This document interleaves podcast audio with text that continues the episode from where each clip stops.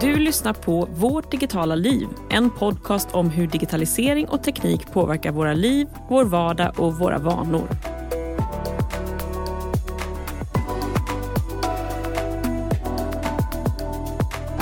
Idag så kommer vi in på en av de lite rundare trenderna som jag har spanat på för i år. En mjuk och fluffig trend. Eller strävhårig kanske. Det beror på ras kan man säga. Vi ska nämligen prata om husdjur och teknik. Ja, vi har ju pratat om det tidigare när vi dissekerade de här mm. nyorden. Att det har varit en boom för att skaffa husdjur under pandemin. Ja, precis. Coronahund har blivit ett eh, begrepp. Eh, så det blir inte bara mer och mer hundar och katter i vår vardag. De här blir också mer och mer digitala. Och det verkar som att vi kan liksom inte låta bli att digitalisera allt i vår omgivning. Och så även våra fyrfota vänners liv. Men alltså, hur blir hundar digitala? Det är ju ändå lite svårt att se framför sig. Mm. Ja, alltså det är, inte, det är inte helt nytt ska jag säga. Det här var eh, i ett tidigare researchuppdrag så började jag hitta lite olika exempel på digitalisering då, av och för husdjur. Då fick jag upp ögonen för detta. Eh, men vi kan börja med, med en, en av de så säga, mer udda sakerna som jag har hittat. Och det är då, i, I Brasilien för ett par år sedan så eh, lanserade en, som en stor kedja för husdjursartiklar en e-handel för hundar där hundarna är kunderna det här låter ju lite galet om mm, ja, säga det. Precis. Ja, men det funkar så här då. Eh, det, som dels har man låtit då hundtränare sitta och som titta på massa bilder på hundar och då markerat de, de bilderna där hundar ser aktivt intresserade ut och då spetsar en hund öronen och så vidare. Sen då har man tagit alla de här liksom, tusentals bilderna och så har man tränat ett AI på den här datorn så att AI kan känna igen då en exalterad hund. Eh, sen bygger man webbshoppen Eh, och då är ju den då för då så här hundleksaker.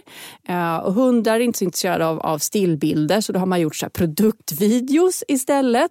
Och det intressanta är då alltså att färger och ljud i den här, de här produktvideosarna de är anpassade för hundar.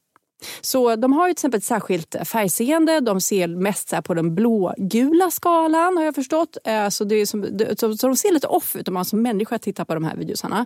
Eh, och så är det också som ljud då anpassat efter så här deras väldigt då avancerade hörsel. Eh, och sen då, när du har du är en hundägare, får du tänka dig då, eh, så kan du visa då den här shoppen för din hund. Du går in i shoppen på din padda eller på din dator och sen så då måste du liksom slå på kameran. Eh, för kameran läser hundens uttryck när hunden tittar på de här produktvideosarna.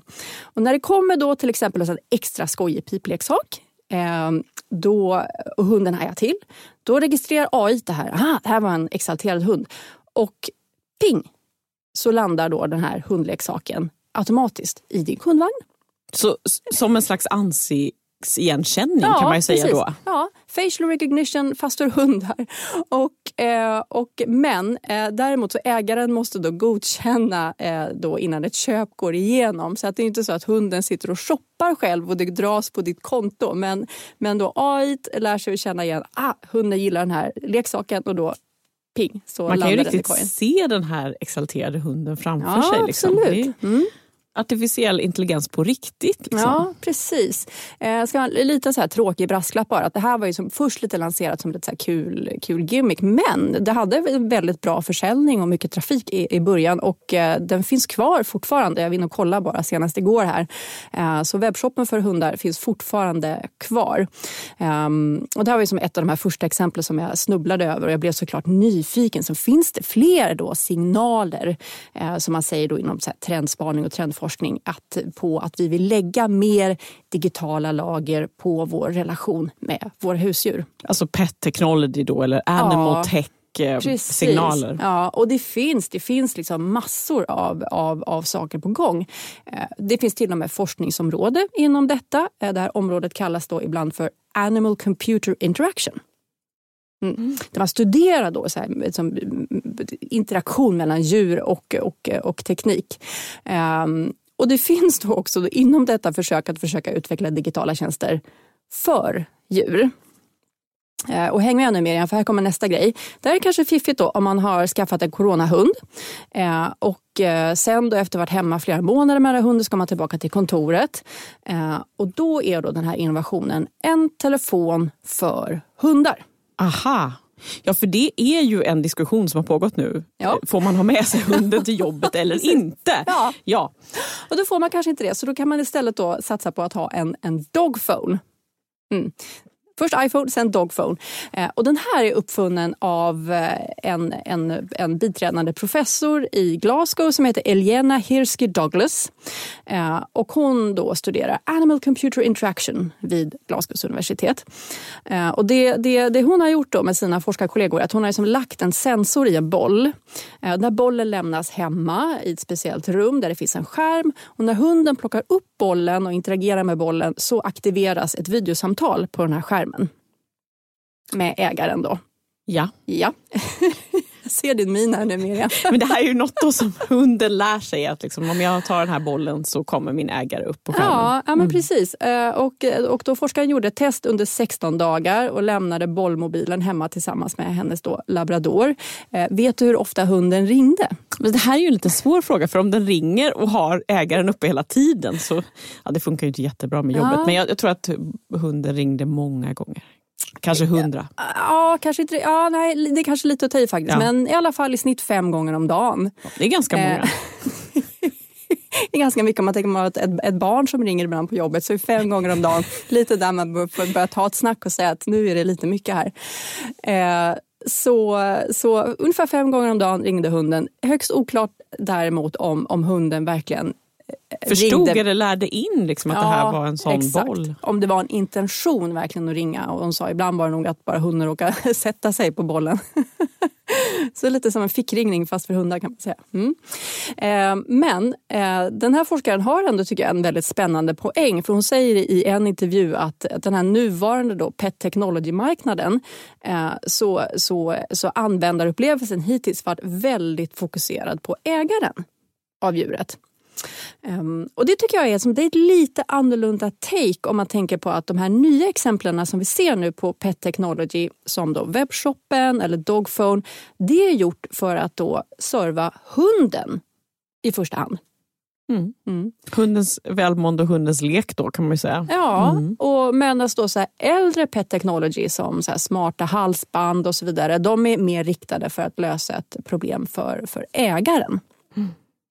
Man kan också tänka att om vi har virtuella hundar i framtiden så kan ju hunden få leka med en virtuell kompis. Mm. Kan man tänka sig. Vi tar Ja. det ett steg längre. Till och med husdjuren blir digitala. Ja, absolut. Det finns ju lite sådana robotar och sådär också. Precis, man kan Mm. ha en robothund som Ja. är sällskap Mm. till ens hund.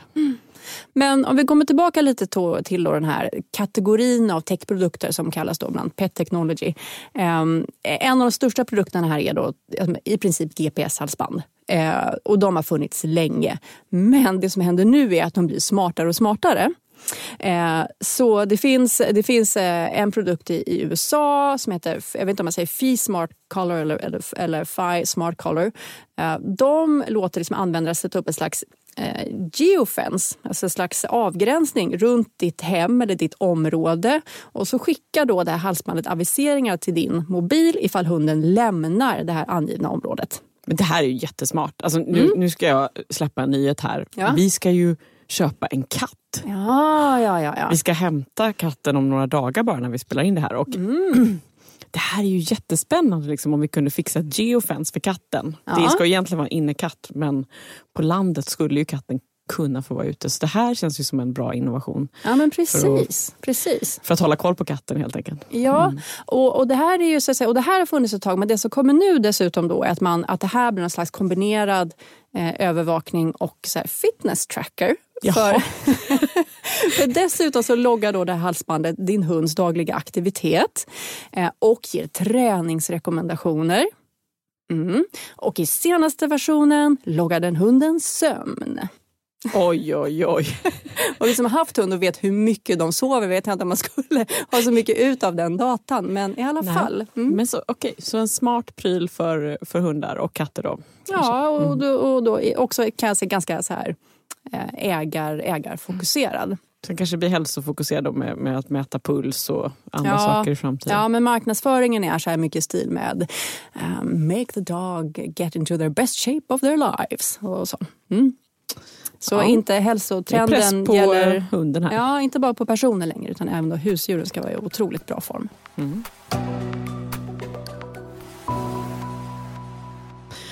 Ja, en, en sak som jag tittar på när det gäller pet technology, och då går vi egentligen tillbaka till ägaren igen, eller, Mm. eller också hunden och kattens mående, är ju det här med djurförsäkringar. Där finns det ju flera digitala uppstickare. Eh, och som jag har skrivit om. Och, och Det finns eh, ett stort brittiskt bolag, Bought by Many, som också har en filial här i, i Sverige, Many Pets. Och det är liksom skiftande recensioner kring de här, men de, de är ju uppstickare, jobbar med prissättning, jobbar med paketering. Och Sen finns det då till exempel också Svenska Lassi, det är väl lite av en klon till Bought by Many kan man väl säga. Men de jobbar med att kunder ska engagera sig i sin djurs hälsa liksom proaktivt.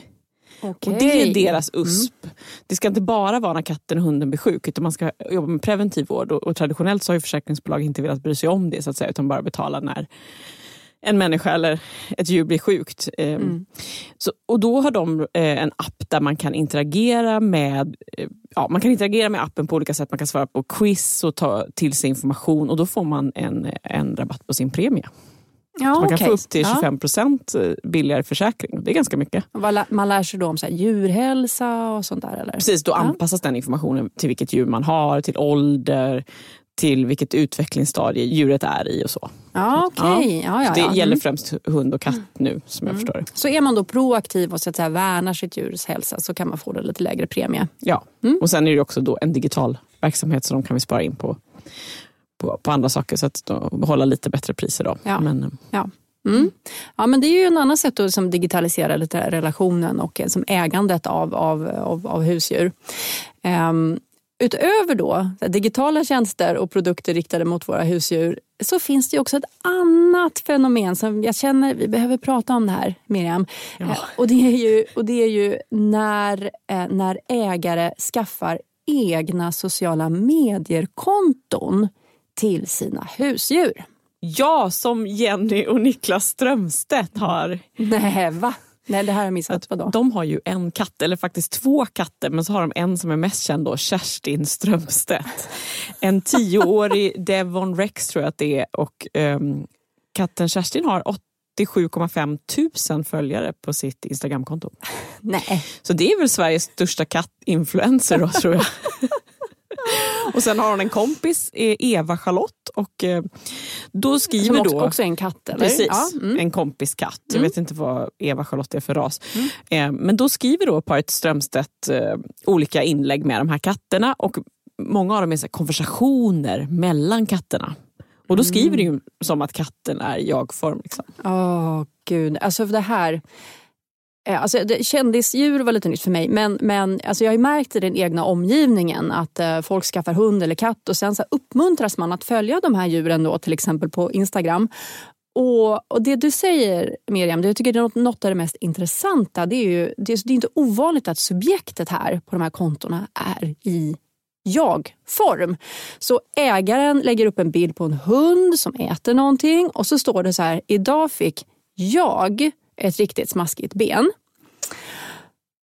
Och vad svarar man då? Jag har, jag har så svårt för det här Miriam. Vad, ro, ska jag skriva så här, vad roligt för dig Karo att du fick ett sånt smaskigt ben. Jag menar, vem, vem adresserar man? Husse och Matte är så snälla nu mot dig. Ja, precis. Ja. Eh, ja, men det, här är, det här är någonting, jag har, jag har svårt för just den, den biten. Jag, jag älskar djur och så vidare men, men det här när man, så att säga, man, man ikläder dem nästan en slags teatral dräkt och får en egen roll där på de här sociala mediekontona. Det är superintressant. Eh, jag har försökt här, lite kolla upp så här, hur många djur har egna konton i sociala medier. Eh, jag hittade inget direkt på svensk data men hittade lite äldre data från USA. Och då är det så här att ungefär 65 procent av djurägare generellt sett eh, de skriver om sina husdjur på sociala medier i genomsnitt två gånger i veckan. Det är mycket ändå ju. Det är mycket Ja. ändå, ja, precis. Och, och, och en av sex djurägare säger att de har skapat en sociala medier-profil specifikt för sitt husdjur. Eh, det är också ganska mycket. Och, och, hälften av de här djurägarna säger att deras husdjur får mycket mer uppmärksamhet och likes än, eh, än vad de själva gör. Mm. Eh, och såklart så börjar ju då också då pet technology och sociala medier flyta ihop. Så det här smarta halsbandet som jag pratade om innan, eh, det, det kan man då göra så att man kan koppla ihop då sin hunds Instagramkonto med det här halsbandet och därmed då som börjar upptäcka andra potentiella hundkompisar i området som också då har liksom Instagramkonton och har det här halsbandet. Så det blir en slags geolocation av, av hund, your dog neighborhood. Mm. kan man ordna playdates. Ja. Du lyssnar på Vårt digitala liv, en podcast om hur digitalisering och teknik påverkar våra liv, vår vardag och våra vanor. Alltså det här med hundar och katter och andra djur också, det är ju så stort på internet. Det är sjukt. Det har ju varit det länge. Jag tänker mm. det här med influen alltså djurinfluencers eller hund och kattinfluencers kanske kom till med hunden Bo. Nu spekulerar jag lite, men det är ju den här lilla pomeranian-hunden i USA som har så många fans. Han gick ju bort då tyvärr 2019, men han har, då när han gick bort hade han 16 miljoner följare på sin Facebook-sida. Mm. Och då ja. var ju Facebook väldigt hett också under hans tid. Mm. Och Det var jättemånga som följde honom där och man kan mm. se liksom på kommentarerna, då, kom, då kommenterar ju alla med sina egna hundar med ja, foton på sina precis. egna hundar. Liksom, som att de ja, kommenterar jag-form till Bo då, och Bos mm. eh, kompis. Men jag kommer att tänka på en annan då, eh, djurkändis. Eh, ja. Eh, på, jag tror också det var Instagram-kontot och det är Grumpy Cat. Just det, Grumpy Cat är stor. Grumpy Cat är en klassiker, ser extremt sur ut och, och eh, eh, har fått resa jorden runt, göra reklamfilmer och ägaren har ju tjänat sig en rejäl hacka på, mm. på just Grumpy Cat. Mm. Våra barn de älskar att titta på videoklipp med olika hundar och katter som blir räddade. Jaha, okay, det finns ja. ju liksom hela konton, Dodo till exempel på Facebook, som lägger ut då hur olika djur blir omhändertagna och räddade så att säga och sen bortadopterade. Och där är ju också många som har eh, egna konton i sociala medier. De djuren som blir, liksom, eller de hundarna och katterna som blir bortadopterade sen. Liksom. Mm. Även en minihäst till exempel.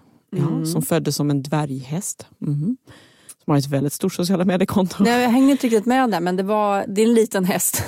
det är en häst som föddes som en dvärg. Ja. Och, och ägaren då till den ja, stod ah. som födde hästen visste inte hur de skulle ta hand om Nej, det. Men det okay. finns en kvinna, jag, nu kan jag inte hennes namn mm. faktiskt, som, som liksom har det som specialitet. Hon tar hand om små dvärghästar helt enkelt. Ja. Ja. Och nu ska ju vi eh, skaffa den här katten, en bengal. Mm. Hon är sju månader. Så nu är frågan då, ska vi skaffa ett Insta-konto till henne? Vad tycker du Kristin? Ja, alltså, så här, det blir jättekul att skaffa ett Insta-konto men bara det inte blir i jag-form. Okej, okay, vi får se då. Men jag, jag lovar, det blir inte i jag-form. Eller jag vet inte om jag kan lova det. Nej, precis. Det är nog dina barn som kommer bestämma det Exakt. snarare tror jag. Mm. Men okej, okay. det verkar ju helt klart som att Pet Technology är ju här för att stanna. Hur kan vi summera det här nu då? Ja, eh, alltså fortsätter det så här så kan man ju säga att, att husdjur på ett sätt blir en ny konsumentgrupp som kommer kanske föredra vissa typer av, av tjänster eller digitala produkter. Sen är det omöjligt att säga om verkligen husdjuren får så mycket ut av, av det här eller om vi snarare projicerar våra egna digitala behov på, på, på djuren. Eh, men jag tror att det här handlar om att, eh, att vi har den här tekniken Eh, och att vi vill använda den för att förstå våra djur bättre. Eh, och förstå mer om deras hälsa när de är glada, när de är ledsna och, och verkligen vara som man säger, en plattform, en, kan man säga, nästan som en tolk mellan då djur och, och ägare. Och man kan ju också tänka sig att vi börjar prata om animal UX och UI, det vill säga att gränssnitten anpassas för just djur snarare än för ägarna. Eh, och är det något som är nytt då i Pet Technology som vi pratat om här idag så är det att de här nya tjänsterna som kommer är verkligen designade för djur och inte för ägarna. Och det är superspännande. Verkligen. Du har hört Vårt digitala liv med Kristin Heinonen och mig, Miriam Olsson Jeffrey. Och vi har ju ont om hundar på vårt Instagram, Kristin. Ja, vi har ju det, men vi tänkte att vi kan låna en bara för, för det här eh, avsnittets skull, eller hur? Ja, och vill du följa oss där så finns vi då på Vart digitala liv, heter Just vårt konto. Det. Vill du höra av dig till oss, mejla till hej vårt digitala liv. Och Vårt digitala liv klipps av Umami Produktion. Tack för att du lyssnade. Vi hörs!